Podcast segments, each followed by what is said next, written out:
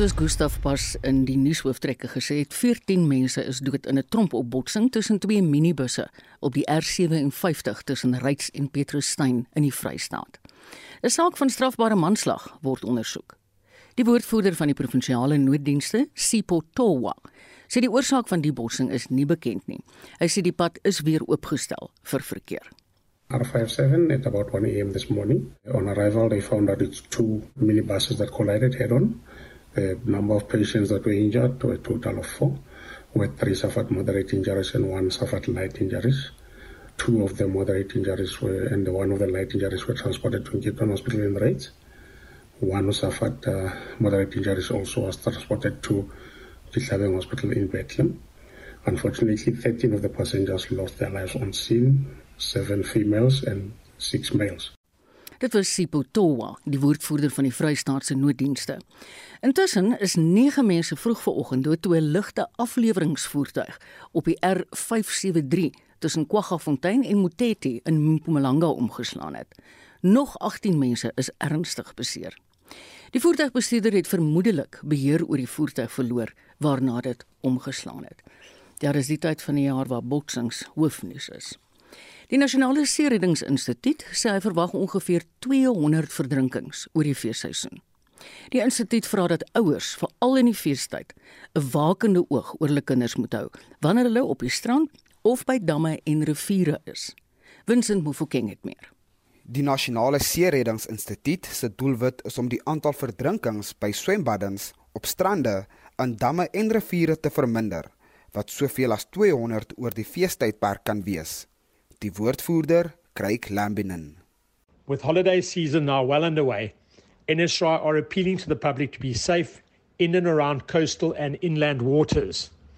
We are appealing to coastal bathers to only swim at beaches protected by lifeguards and swim in between the lifeguards' safe swimming zone flags posted by the lifeguards on the beach. Lifeguards regularly move these flags when they detect rip currents forming we are appealing to the public to obey the lifeguards' instructions to only swim in between their flags. Families visiting the beach should approach the lifeguards if they are separated from family members or if they need assistance. Lambinen sê sterk trekstrome is een van die dodelikste oorsake van verdrinkings. Hy sê ook dat mense net moet swem op strande waar daar lewensredders is en tussen vla wat veilige plekke aandui. in Israel appealing to fishermen, coastline anglers, and hikers to take heed of spring tides. This month's full moon spring tide peaks on Sunday, the 19th of December, and the new moon spring tide peaks on the 2nd of January. We are appealing to the public to be aware of the higher than normal high tides and lower than normal low tides preceding and following after spring tide's peak day, and be cautious around the coastline. Boaters, paddlers, and sailboarders are urged to wear properly fitting and fastened life jackets while your craft is underway. Boaters, paddlers, and sailors are urged to download and use the free NSRI RSA SafeTrack cell phone app and have safety equipment and an emergency plan in place. Mense word ook aangeraai om nie alkohol te drink en dan te gaan swem nie. We are appealing to parents to make sure that there's a designated responsible person watching over children in and around coastal and inland waters and at swimming pools. NSRI has developed a safety monitor ID tag to be worn by the responsible person that is overseeing children while they are swimming and to regularly change that responsible monitor every half an hour to ensure that the designated person watching over the children is not distracted by cell phone calls or conversation during their dedicated monitoring period. For information on the Safety Monitor ID tag and NSRI water safety tips, go to our webpage at www.nsri.org.za. Do not drink alcohol and then go swimming, boating, paddling or sailboarding. Lambinen sê intussen dat jy jouself moet leer van trekstrome Hy sê ongelukkig swem mense om verskeie redes gereeld waar daar geen lewensredders aan diens is nie. If you caught in a rip current, don't panic. Stay afloat using the air in your lungs for natural buoyancy and tread water to keep your head above water. Go with the rip current, do not try to swim against the current. Call out for help At your first opportunity, swim across the beachfront until you're free of the rip current and then use the incoming waves to get to the beach.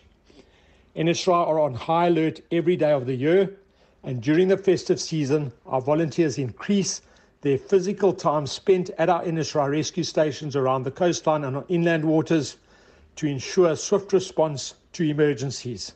To report a water emergency, call 112 from your cell phone or call 087 094 9774.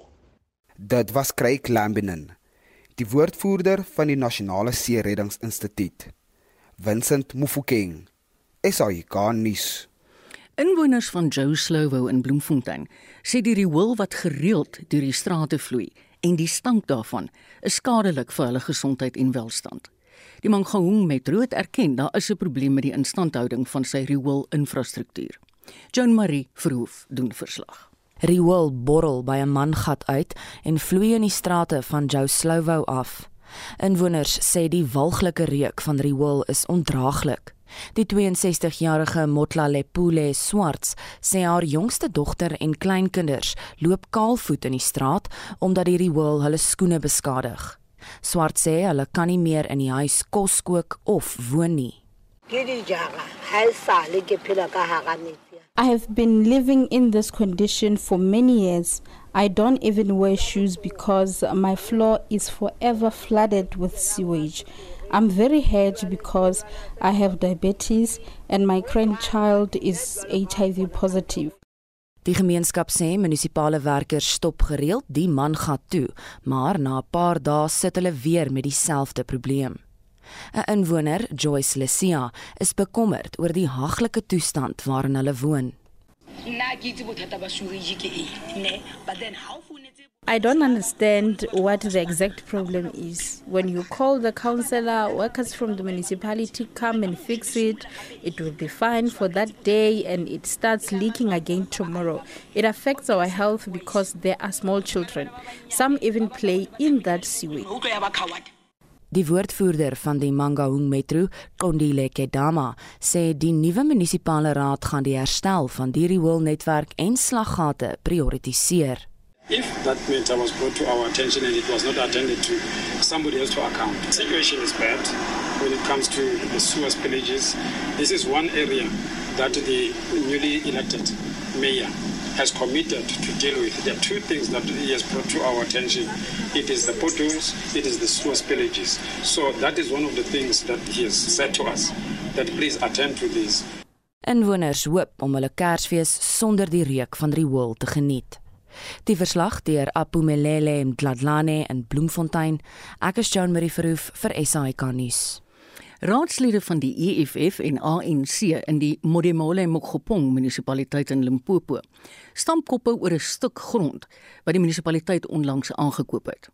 Die ANC sê 'n EFF raadslid verhuur die munisipale grond uit aan veeboere om hulle vee daar te laat wei.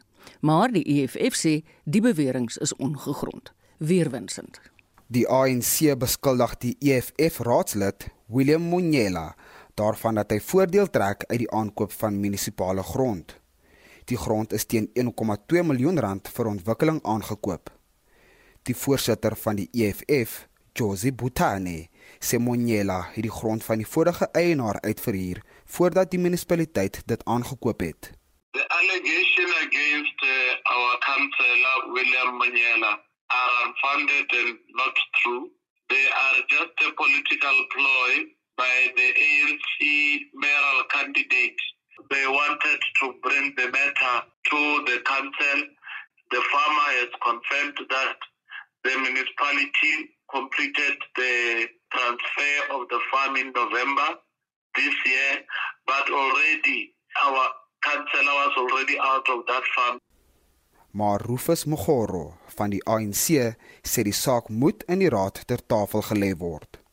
the EFF councillor was utilizing the land, the property that belongs to municipality for his personal gain. We are in a position of the date when the property was purchased by the municipality. The council will be discussing the issue forward. Die burgemeester van die Modimolle Mogopong munisipaliteit, Marlene van Staden, sê die grond is in September aangekoop. Sy sê die oordrag van eienaarskap van die grond na die munisipaliteit is steeds aan die gang. We took a council resolution to purchase this land for the development of a new landfill site and cemetery only in July 2020. And the municipality only paid for this land in September 2021. Land is not even registered on the name of the municipality yet. Die vorige eienaar van die grond, Wits Botus, sê hy die grond aan die munisipaliteit verkoop, maar erken dat hy wel voorheen die grond aan Monyela uitverhuur het. Sold the farm to the municipality and I think the transfer took place end of November, somewhere in November. Monyela rented the land from me. What happened after the transfer took place, I don't know and I have no knowledge of what happened after that. Prior to me selling the farm to the municipality, Monyela was renting from me. Dit was Wiets Potus, die vorige eienaar van 'n plaas van 20000 hektaar wat hy aan die Modimolle Mogopong munisipaliteit verkoop het. Die verslag deur Michael Makungo in Modimolle. Ek as Vincent Mufokeng vir SAK nuus. Is ingeskakel op naweek aktueel op RSG en dit is nou 16 minute oor 12. Die Afrikaanse nuusveteraan, Freek Robinson, se boek Op die man af, beskryf sy onverskrokke styl tydens onderhoudvoering. Freek lees nou vir ons van bladsy 165 uit die boek die aanloop van wat hy as die hoogtepunt in sy lang loopbaan beskou. Mandela was een van die hoofsprekers by 'n konferensie in Oslo, Noorwe met die tema Die anatomie van haat. Die verrassing was dat die kerkregering ook 'n spreekbeurt gekry het, hoewel korter. Die taak is aan die adjunkminister van buitelandse sake, Leon Wessels gegee. Dit sou die eerste keer wees dat 'n senior lid van die nasionale party regering in die openbaar op 'n internasionale verhoog saam met Mandela optree. Die organiseerders en die gehoor het nie veel erkenning aan Wessels gegee nie, maar hy het die inisiatief geneem om te sorg dat die gesamentlike optrede nie op 'n fiasco uitloop tot nadeel van die land nie. Dit was destyds in Suid-Afrika bekend dat Wessels een van die meer verligte politici is. Hy het Mandela vriendelik gegroet voordat die konferensie begin het en ook op die verhoog voordat hulle begin praat het. Mandela het onder meer verwys na vordering in Suid-Afrika om vreedsame doelwitte te bereik, maar het ook 'n paar klappe na die NT-regering gemik en gevra dat internasionale sanksies gehandhaaf word. Wessels het almal verbaas deur reguit te sê dat apartheid 'n verskriklike fout was wat die land en sy mense verwond het. Hy het hom uitgespreek in gunste van 'n volle demokratiese bedeling in 'n ware regstaat. Die twee het mekaar na hulle optrede weer vriendelik gegroet van die mense in die gehoor wat van konflikgebiede soos die Midde-Ooste en Ierland kom, het gesê hulle wens so hulle kon 'n Mandela en 'n de Klerk in hulle lande kry. Dan sal hulle probleme ook gouer opgelos word. Ons geheue so kort. En jou boek is vir my so 'n institusionele geheue dokument. Ek wil graag by jou weet, jy skryf jou hoogtepunt in jou beroep was jou onderhoude met Mandela en F.W. de Klerk wat elk op hulle eie manier verskeie uitdagings gebied het. Praat met ons daaroor. Ja, ek dink die hoogtepunt van my loopbaan was seker seker die debat tussen Mandela en de Klerk. Maar dit was die eerste keer natuurlik dat so iets in Suid-Afrika gehou is voor 'n politieke verkiesing. So dit was voor die tyd eintlik baie duidelik dat baie mense internasionaal daarin so belangstel. Die groot probleem daarmee was dat die nasionale party en die ANC het weke lank met mekaar onderhandel oor presies hoe hierdie debat gehanteer gaan word. Natuurlik wie dan die voorsitter is, waaroor ek baie dankbaar is dat hulle toe besluit het op my en dan ook uh, hoe dit verder sal verloop in die debatsituasie. Wie spreek beter sal kry vir hoe lank, wanneer, hoeveel vrae aan elke gevra moet word of hulle geleentheid vir repliek kan kry. Alles is vreeslik netjies uitgewerk. So my rol was nie eintlik een wat as voorsitter van die debat opgetree het om interaksie met hulle te hê nie, maar bloot net om ja, ken aan die woord te stel, te sorg dat hulle by die tyd bly. En natuurlik het hulle twee omdat hulle bewus was van alles wat gereël is agteraf, het hulle gesorg dat hulle by die reëls bly en dat niks snaaks plaasvind nie. So my taak was eintlik maar 'n ligte ene, maar 'n groot ene. En gelukkig dink ek het dit goed geloop. Net voordat ek op lus sou gaan om net so 30 sekondes voor die tyd, toe het ons uitvoerende regisseur vir my laat weet in my oorstuk dat 800 miljoen mense in die hele wêreld na die debat sou kyk. Dit is natuurlik 'n soort van nuus wat mense dadelik sien wie agter kan maak, Maar ek het net besluit dit gaan my nou nie regtig terughou nie. Ek gaan hierdie ding pak en ek gaan 'n sukses daarvan maak en gelukkig het dit toe glad verloop. Wat was die uitdagings van elke man vir jou as jy terugkyk oor jou loopbaan met jou onderhoudvoering met elkeen? Maar ek dink die situasie met die kerk is basies dat hy was 'n slim regsgeleerde. Nee, afgesien van hy gesaapte politieke oor maande en jare was hy maar oor die baie moeilike hoe kon druk omdat hy in die regspraktyk in 'n geval redelike ervaring en in die politiek gekry het van hoe jy kan wegglip uit 'n vraag uit of hoe jy dit ten beste kan antwoord. Maar die probleem met hierdie kerk was is dat hy die gewoonte gehad om die vraag aan te val plek om dit te antwoord. By 'n bepaalde onderhoud wat ek kan onthou, dit gegaan oor Mangope wat die president was van die destydse Botswana Tuisland wat geweier het om weer terug te kom as deel van die nuwe Suid-Afrika.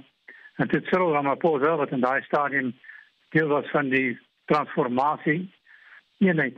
Dit is 'n spesiale liggaam wat opgestel is om te sorg dat die oppositielede inspraak kan kry in die proses van vordering na 'n nuwe bedeling. Nou toe Cyril Ramaphosa vir Mangope laat weet as jy nie terugkom nie, dan gaan ons die tanks instuur. Ewie was te baie kwaad geweest en sê nie maar Ramaphosa is nie in beheer van die weermag nie. Ons het hom te gevra vir 'n onderhoud en hy het gekom na ons ateljee toe. En hy het toe die onderhoud begin deur 'n paar stellings te maak, plek sonder 'n vraag te vra en vir hom gesê: "Maar meneer de Klerk, jou eie apartheid onwettige kind weier nou om vir jou die pa te luister en jy's een wat vir hom om die magsbasis gegee het. Hoe gaan jy nou maak om hom te oortuig dat hy moet daai magsbasis los?" Die kerk sê vir my: "Ja, meneer Ramson, dit is maar so so julle joernalis is, né?" julle val net apartheid aan en maak dit sleg sonder om ooit te dink aan afsonderlike ontwikkelinge en die eerlike gedagtes wat ons wel gehad het rondom 'n nuwe bedeling waar en elkeen eh, van die verskillende volke reg sou hê op 'n eie toekoms en 'n eie bedeling. Sê ek nie dat kyk die vraag is eenvoudig wat gaan jy doen om trend Mangope? Sê nee, ek wil jy die konsep verduidelik. Sê ek nie net dat kyk sê net wat wil jy doen rondom Mangope? En so dat nou aangekarring tot die teen ene se kant sê vir meneer Klerk, wil jy of kan jy nie die vraag beantwoord nie? Sê nee, ek sal met hom praat. En dit is toe die ene van die onderhoud. So hy is baie kwaad vir my, maar hy moet eintlik maar net die vraag antwoord het, wat net sekondes kon geneem het. En dit nie gedoen het nie. So dit is net 'n aanleiding van hoe het maar gesukkel is om met hom 'n onderhoud te doen. Wat Mandela betref, dit is weer 'n ander probleem, want hy het so aura rondom gehad, so karismatiese aura dat wanneer mense met hom onder het voer dan sê ek of uit ordentlikheid skaam om vir my rede te val. En wat beteken dat hy nog grootliks die vuur gehad en lang antwoorde gegee. Die grootste uitdaging was om hom kort te hou en op die punt af en die vrae te beantwoord. Freek, kan jy asseblief vir my sê of jy dink daar's 'n toekoms in ons rigting vir die jong mense? Ek dink daar is 'n toekoms. Mens moet net besef dat 'n land se toekoms word geskep deur sy mense. En dit is wat die verskil maak. Jy kan byvoorbeeld 'n vergelyking trek tussen Japan en Suid-Afrika. Ons is 'n bevolking wat seker dubbel hulle grootte is. Ons het net seker vier keer meer grondgebied en ons het baie minerale bronne terwyl Japan absoluut niks het nie. Nogtans is Japan se ekonomie omtrent iets so 16 keer groter as Suid-Afrika se. So dit beteken jy net die verskil word gemaak deur mense as ons dit besef, dan sal mense ook besef dat kyk dit help nie om te kla nie. Jy moet dinge doen. Die burgerlike samelewing gaan al meer belangrik word en mense moet net die geleentheid gebruik om 'n bydrae te lewer. 'n Eenvoudige ding. Gaan kyk wat het gebeur by Texas, Senegal en Colini. Daar 'n inisiatief was van sakemense in die dorp en swart gemeenskappe en almal saam om te sê, maar kom ons maak 'n sukses van hierdie plek. 'n Eenvoudige vorm, wie is wat gebruik is in Senegal byvoorbeeld dit is maak skoon dan word dit tel op. Maak reg maak groen en maak mooi.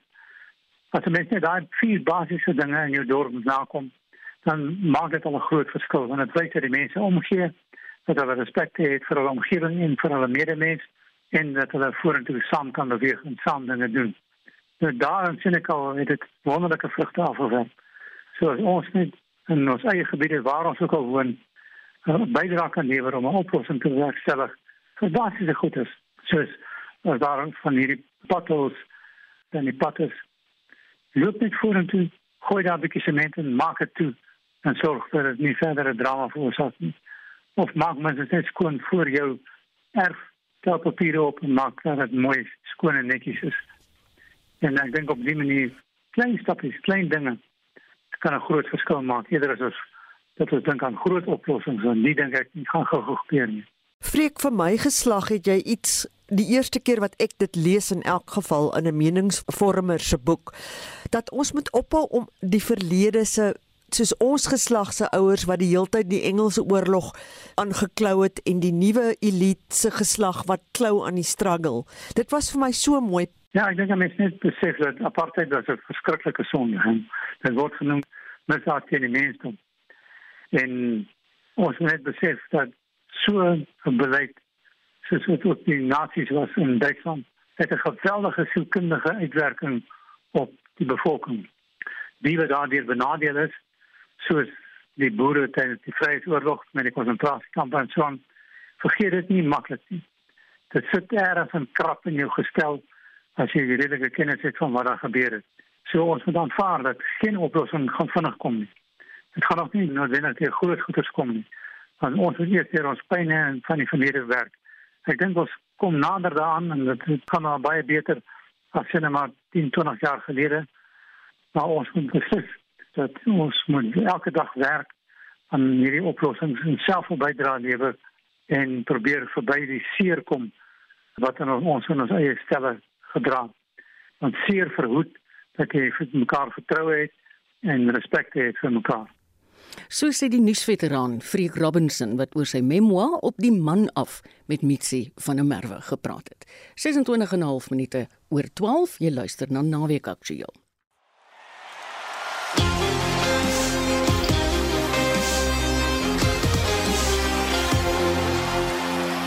Daar's op die oomblik verskeie sportgebeure aan die gang en ons sluit nou aan by Shaun Jooste vir 'n jongste oorskou. Goeiemôre Shaun. Middag Marieta. Die tweede krikettoets in die reeks om die as tussen Australië en Engeland is aan die gang. Wat is die jongste telling?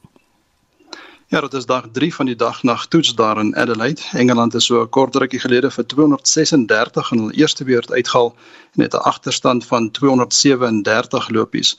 Nou die Aussies het met hulle tweede beurt begin en was ook so kort rukkie gelede op 6 sonder verlies. Hulle het hulle eerste beurt gister op 473 vir 9 verklaar. Die Engelse kaptein Joe Root het ook slegs die vierde speler geword om 1600 toetslopies in 'n kalenderjaar aan te teken. Nou die vorige 3 was Mohamed Yusuf van Pakistan, die Wes-Indiese legende Viv Richards en dan die voormalige Protea kaptein Graeme Smith. Hm, dit wil nogal gedoen wees. Ek verstaan die Indiese span het in Suid-Afrika aangekom vir hulle toetsreeks, juis teen die Proteas. Wanneer en waar begin die reeks som? Die eerste toets begin oor bietjie meer as 'n week. Dit is op 26 Desember op Supersport Park in Centurion. Nou die reeks bestaan uit 3 toetse. Die ander 2 word op die Wanderers in Johannesburg en op Nieuweland in Kaapstad gespeel en dit is in die nuwe jaar. OK, ek hoor. Kan jy vir ons sê hoe die Suid-Afrikaanse swemmers by die Wêreldkortbaan Kampioenskap in Abu Dhabi vaar? Ja, die 15de FINA Wêreldkortbaan Kampioenskap het donderdag in Abu Dhabi begin. Aanvanklik sou 21 Suid-Afrikaanse swemmers deelneem, maar weens reisinperkings kon net 4 na Abu Dhabi reis. Nou Chad Leclou is deur na hmm. vandag se eindstryd in die 100 meter vlinderslag. Nou, hy het donderdag aand brons in die 200 meter vlinderslag gewen. Nou, ongelukkig is Brad Tandy en Taylor Lovemore vanoggend in die uitdinne van die 50 meter vry en vlinderslag uitgeskakel.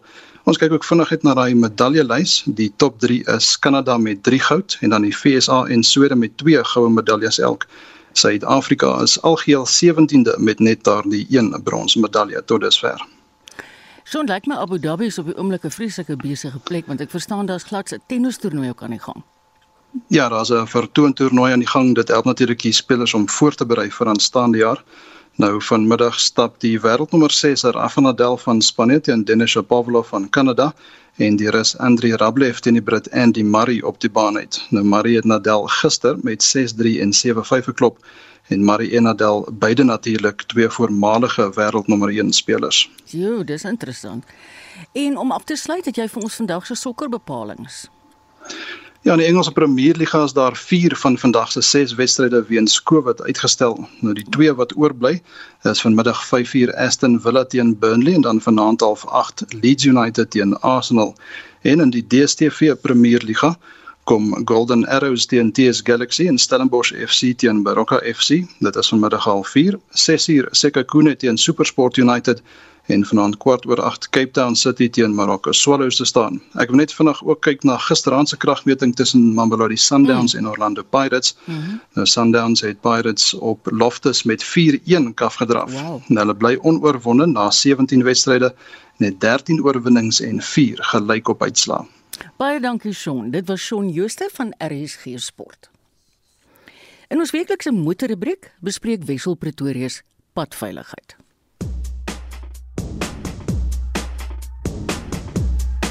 Verlede week het Rob Hanfield Jones, die besturende direkteur van driving.co.za, onder meer gepraat oor verdedigend bestuur, die belangrikheid van die flikkerlig, die gevare van dronk bestuur en die risiko verbonde aan bestuur in die nag.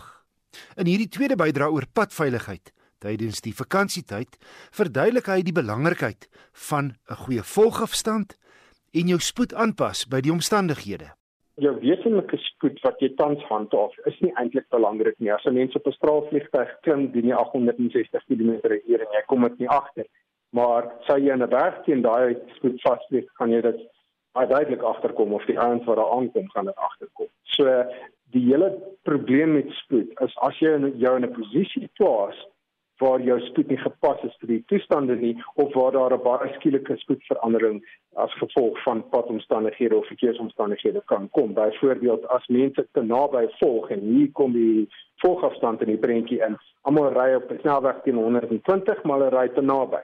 So die eerste ou skrik bietjie of hy verloor konsentrasie of soos deesdae waar die geval is, hy is besig om met sy foon te peter en hy kyk nie wat op die pad aangaan nie en daar word daar's 'n spoedvermindering die eerste, tweede, derde, vierde motors wat agter hom ry kan dalk daarvoor voorsiening maak, maar daar's hierdie aangaande spoedvermindering. Dan kom jy op 'n punt as gevolg van die gebrekkige gevolgafstand dat die spoedverskil tussen sien maar die 5de kar wat reeds al spoed verminder het en die 12de of 13de motor wat heel agter is wat nog 120 doen, 60 of 70 km/h kan wees. En dan kom jy op 'n punt waar dit net nie fisies moontlik is om betyds stil te hou nie. Al het jy sluit deur remme, al het jy die beste pad op vlakte en die beste motor in die wêreld, dit is net nie fisies moontlik nie. So spoed ten opsigte van uh, kruispaaie is baie belangrik. As jy nie sigbaarheid by kruispaaie het, verminder jou spoed om meer tyd en ruimte vir jouself te skep.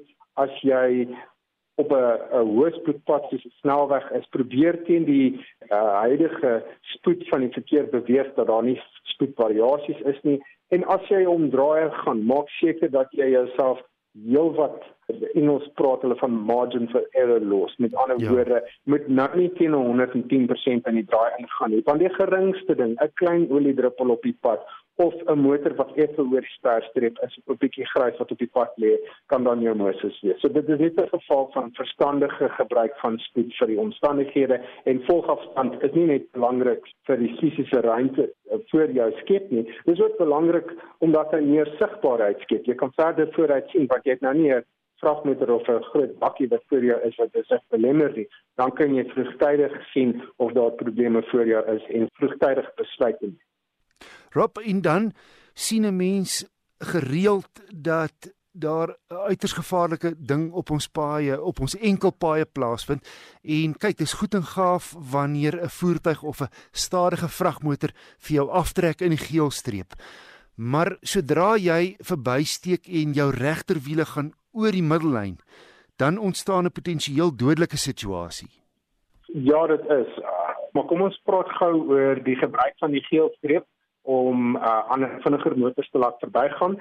Dit is nie onwettig nie, 'n mens mag dit doen, maar daar is sekere voorwaardes. Nommer 1, dit mag nie tussen sonsondergang en sonop uh, gebeur nie, so met ander woorde, mens kan dit nie snags doen nie wat heeltemal sin maak.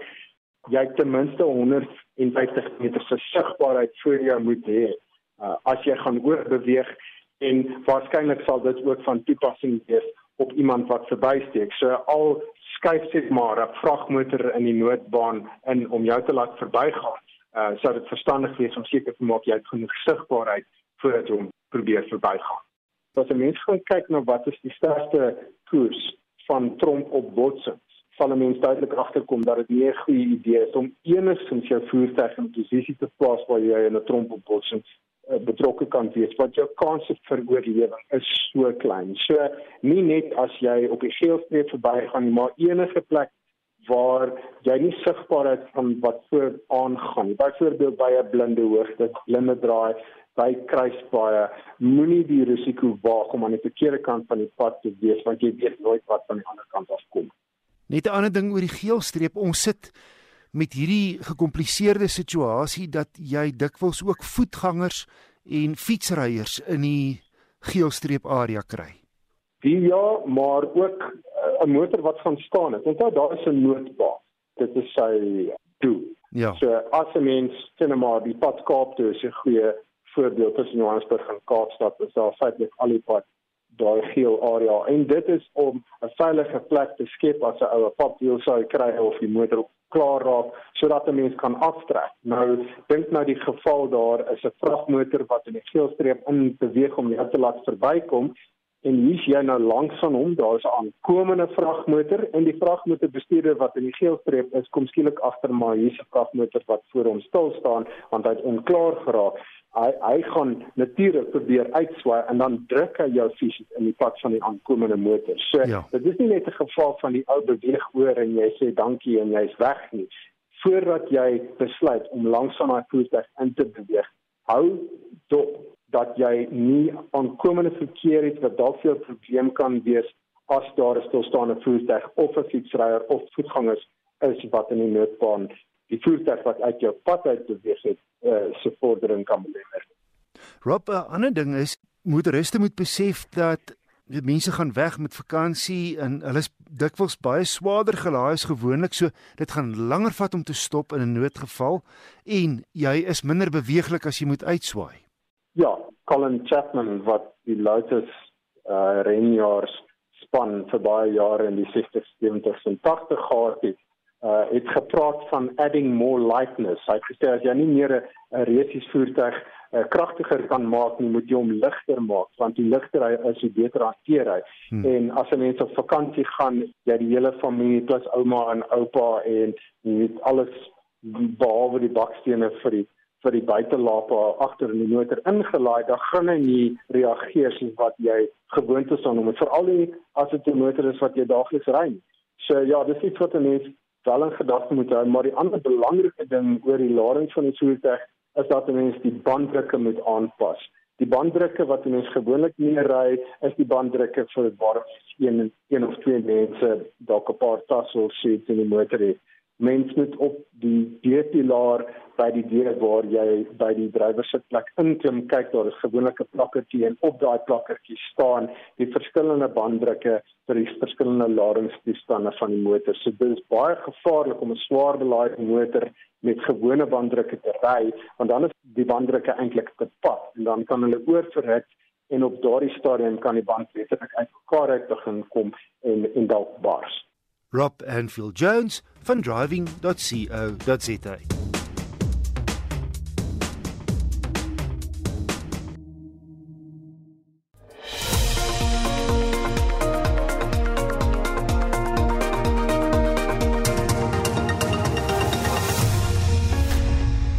En nou het ons 'n baie interessante bydrae. Ons het nou 'n terugblik oor van die stories wat luisteraars vanjaar behoorlik aan die praat gehad Die jongste professor in die wêreld, die 9-jarige Suborno Isak Berry, het 'n Da Vinci toekenning in sosiale argitektuur ontvang.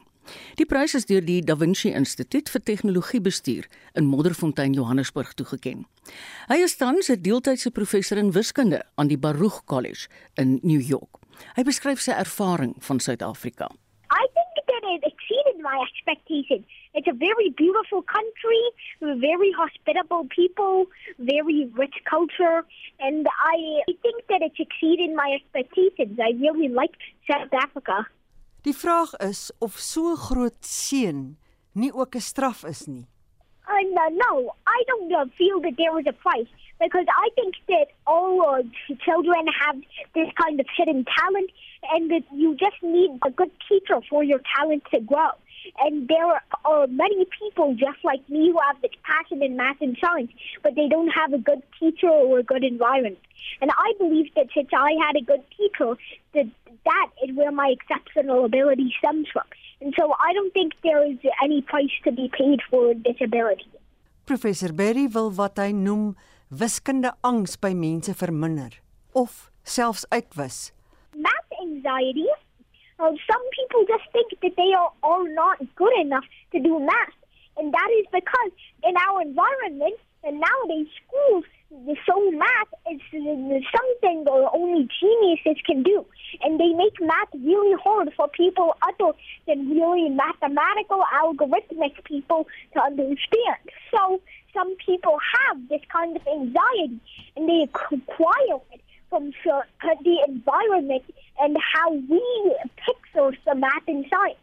Berry sê die samelewing moet anders kyk na wiskunde en wetenskap. And we need to show it not as something that only geniuses and very technical people can do, but also the everyday person. So that people are not scared of math and science, but embrace it like they should. Die jong professor het in 2019 'n boek geskryf oor 'n wêreld sonder terrorisme met die titel The Love. Have seen so many examples of religious terrorism, um, and especially religious terrorism groups coming from my own religion, Islam, sadly. And the, this kind of terrorism, I feel, does stem from the feeling of hatred, a belief that others' beliefs are not valuable because uh, you are the only one. And that religion is fine on its own, but I feel that extremism around religion is something that takes uh, kind of division too far. Die instelling wat die besoek moontlik gemaak het, is die Da Vinci Instituut. Professor Benjamin Anderson van die instituut verduidelik hoekom die prys toegeken word. Die Da Vinci Instituut is 'n privaat hoëronderwysinstelling wat altyd op soek is na uitsonderlikheid in mense. So as 'n privaat hoëronderwysinstelling het ons as deel van ons bydra tot die samelewing geheel 'n baie sterk fokus om uitsonderlikheid in individue te erken sover dit moontlik is. Dis 'n jaarlikse prys vir sosiale argitektuur aan uitsonderlike mense. So ons het toe bewus geword van professor Barry wat as 'n jong wetenskaplike 'n toegeneentheid toon teenoor die waarde van wetenskap tot sosiale herstrukturering en hervorming. En in daardie sin het ons studeer ons evalueringsproses gegaan en baie oortuig gewees dat hy inderdaad iemand is wat 'n goeie verstaan het op sy jeugdige ouderdom van die rol van menslikheid in die verandering van sosiale stelsels. Professor Benjamin Anderson van die Da Vinci Instituut Mitsi van der Merwe, SAK nuus. Ja, ek moet saamstem. Mens kan nie dink dis 'n 9-jarige se Borno wat daar gepraat het nie, want hy toon soveel insig. Mens sal dink hy's veel ouer. Een van ons ander hoogtepunte is die eerste letterkunde in die Ngqu taal, 'n kritiek bedreigde taal, en dit is op Appington in die Noord-Kaap bekend gestel. Die leier van die Westerse Khoimani San en een van slegs 2 mense wat die taal vlot kan praat, Katrina Esou, het die kinderboek geskryf. Reginald Witboy doen verslag. Kuya boy, kuya. Na, oi, ekoi. Nan tseka kan ha. Tingutal, 'n taal wat bewaar word deur die wat nog lewe. Oor dekades heen het sprekers die oeroue taal bewonder Die hoofleier van die Westerse Ngu en een van die sprekers, Oma Katrina Esau, leer ook kinders die taal by haar huis op Appington. Sy het gestry vir die taal om sy geregtelike plek te kry. En nou, met die hulp van haar kleindogter, Claudia Snyman en ander belanghebbendes, is die taal nou in 'n boek. Oma Katrina sê dit is 'n geskiedkundige oomblik in haar lewenstyd. Die boek beteken baie my kind. Van die boek, die dag as ek dood is, is daar nog mense wat hom kan lees en leer. En die boek die tieners kan lekker leer uit die boek. En daarom is hy so gemaklik gemaak. In Afrikaans is daar, Engels is daar. Hulle kan lekker, lekker en ek het hom met diepe hart gedoen. Dat die mense kan verlees. Haar kleindogter Claudia Snyman is ewe opgewonde. Ek kan nie die gevoel beskryf. Die gevoel wat ek vandag het is baie groot en die feit dat my ouma dit nog vandag kan sien as dit vir my 'n enige emosionele uh, oomblik want uh, sy het baie lank gewag vir die boek en om dit vandag self te kan beleef en self te sien is 'n groot voorreg vir my. Ek is baie excited en ek is bly en ek, ek, ek kan dit beskryf nie. Die Pan Suid-Afrikaanse Taalraad het beloof om die boek in die argiewe te plaas. Die Noord-Kaapse Kuns en Kultuur Jalier Desiree Finis sê die boek sal by alle biblioteke in die Noord-Kaap beskikbaar wees. Dit wat ons nou besig is om te doen, is ons help met die uitdagings vir ouma Katrina en soos die language board gesê het, hulle is besig om virtuele recordings te doen om die taal te preserve. Ons gaan die boek by Puku Children's Foundation aankoop en dit versprei in elke biblioteek in die Noord-Kaap.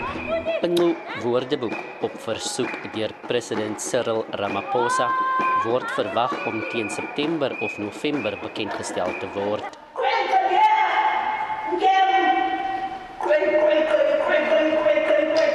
Ek is Reginald Witboy op Appington in die Noord-Kaap. Diere van verskillende spesies beweeg dikwels saam. Hulle deel hulle kos en beweeg om veiligheidsredes in troppe saam. Esie de Klerk berig, dis oor die algemeen waar dit stop, want 'n eland bly 'n eland of hoe. Daar is egter soms 'n uitsondering op die reël. Van die 15-jarige kameelperd Tutwa dink skynbaar hy's 'n eland. In kameelperdjare is hy nou 'n tiener en hy hou hom ook voor as die beskermheer van sy trop. Hy loop reeds die afgelope 6 jaar lank saam met die trop elande in die Amakala Natuurreservaat en hy is die dominante bul. Die vrywillige koördineerder van die natuurreservaat in die Oos-Kaap, Petro Resou, sê Tutwa is enig in sy soort in sy eie manier het hy actually 'n uh, verhouding opgebou met hierdie elande en hierdie elande het 'n verhouding met hom opgebou. Dit sien nie hulle wys nie dat hulle geïrriteerd is met hom nie. Hulle skel hom weg en in skei hom weg dat hy wegbeweeg nie. So dit dit lyk eintlik asof hulle in hulle eie harmonie lewe met mekaar. Tutwa is boonop uniek. Hy het net een horing. Hy het na die natuurreservaat oorgeloop van 'n aangrensende park en hom sedertdien tuis gemaak by sy elandvriende en hy het selfs begin om hulle gedrag te naap. Dit is baie spesiaal vir ons glo ek net vir die rede dat hy gee nie ons die idee dat hy soos 'n normale kameelperd is nie. Hy hang nie uit met 'n groep kameelperde soos wat hulle normaalweg sou as hulle gaan sosialiseer nie. Hy het besluit hy gaan sosialiseer met die elande op hierdie reservaat. Maak nie saak of die of die ander kameelperde besluit hulle gaan actually in dieselfde area begin eet aan die bome nie. Hy het net besluit, jy weet, hy hang uit met die elande uit al selfs ek meen jy het nou net gesien bietjie aan die grasies gekou en dan loop hy weer aan. So ons is nie eintlik seker wat gaan aan hier nie. Ons probeer nog uitfigure. Daar is min navorsing oor kameelperde beskikbaar veral oor die tipe gedrag en in die natuur word hulle selde alleen waargeneem. Dr Julian Fennessy van die Wêreld Kameelperd Bewaringsstigting sê Tutwa se gedrag is besonder. With respect to the giraffe and eland relationship that's been observed down in South Africa, it's definitely uh, interesting. Nothing that I have observed in the wild.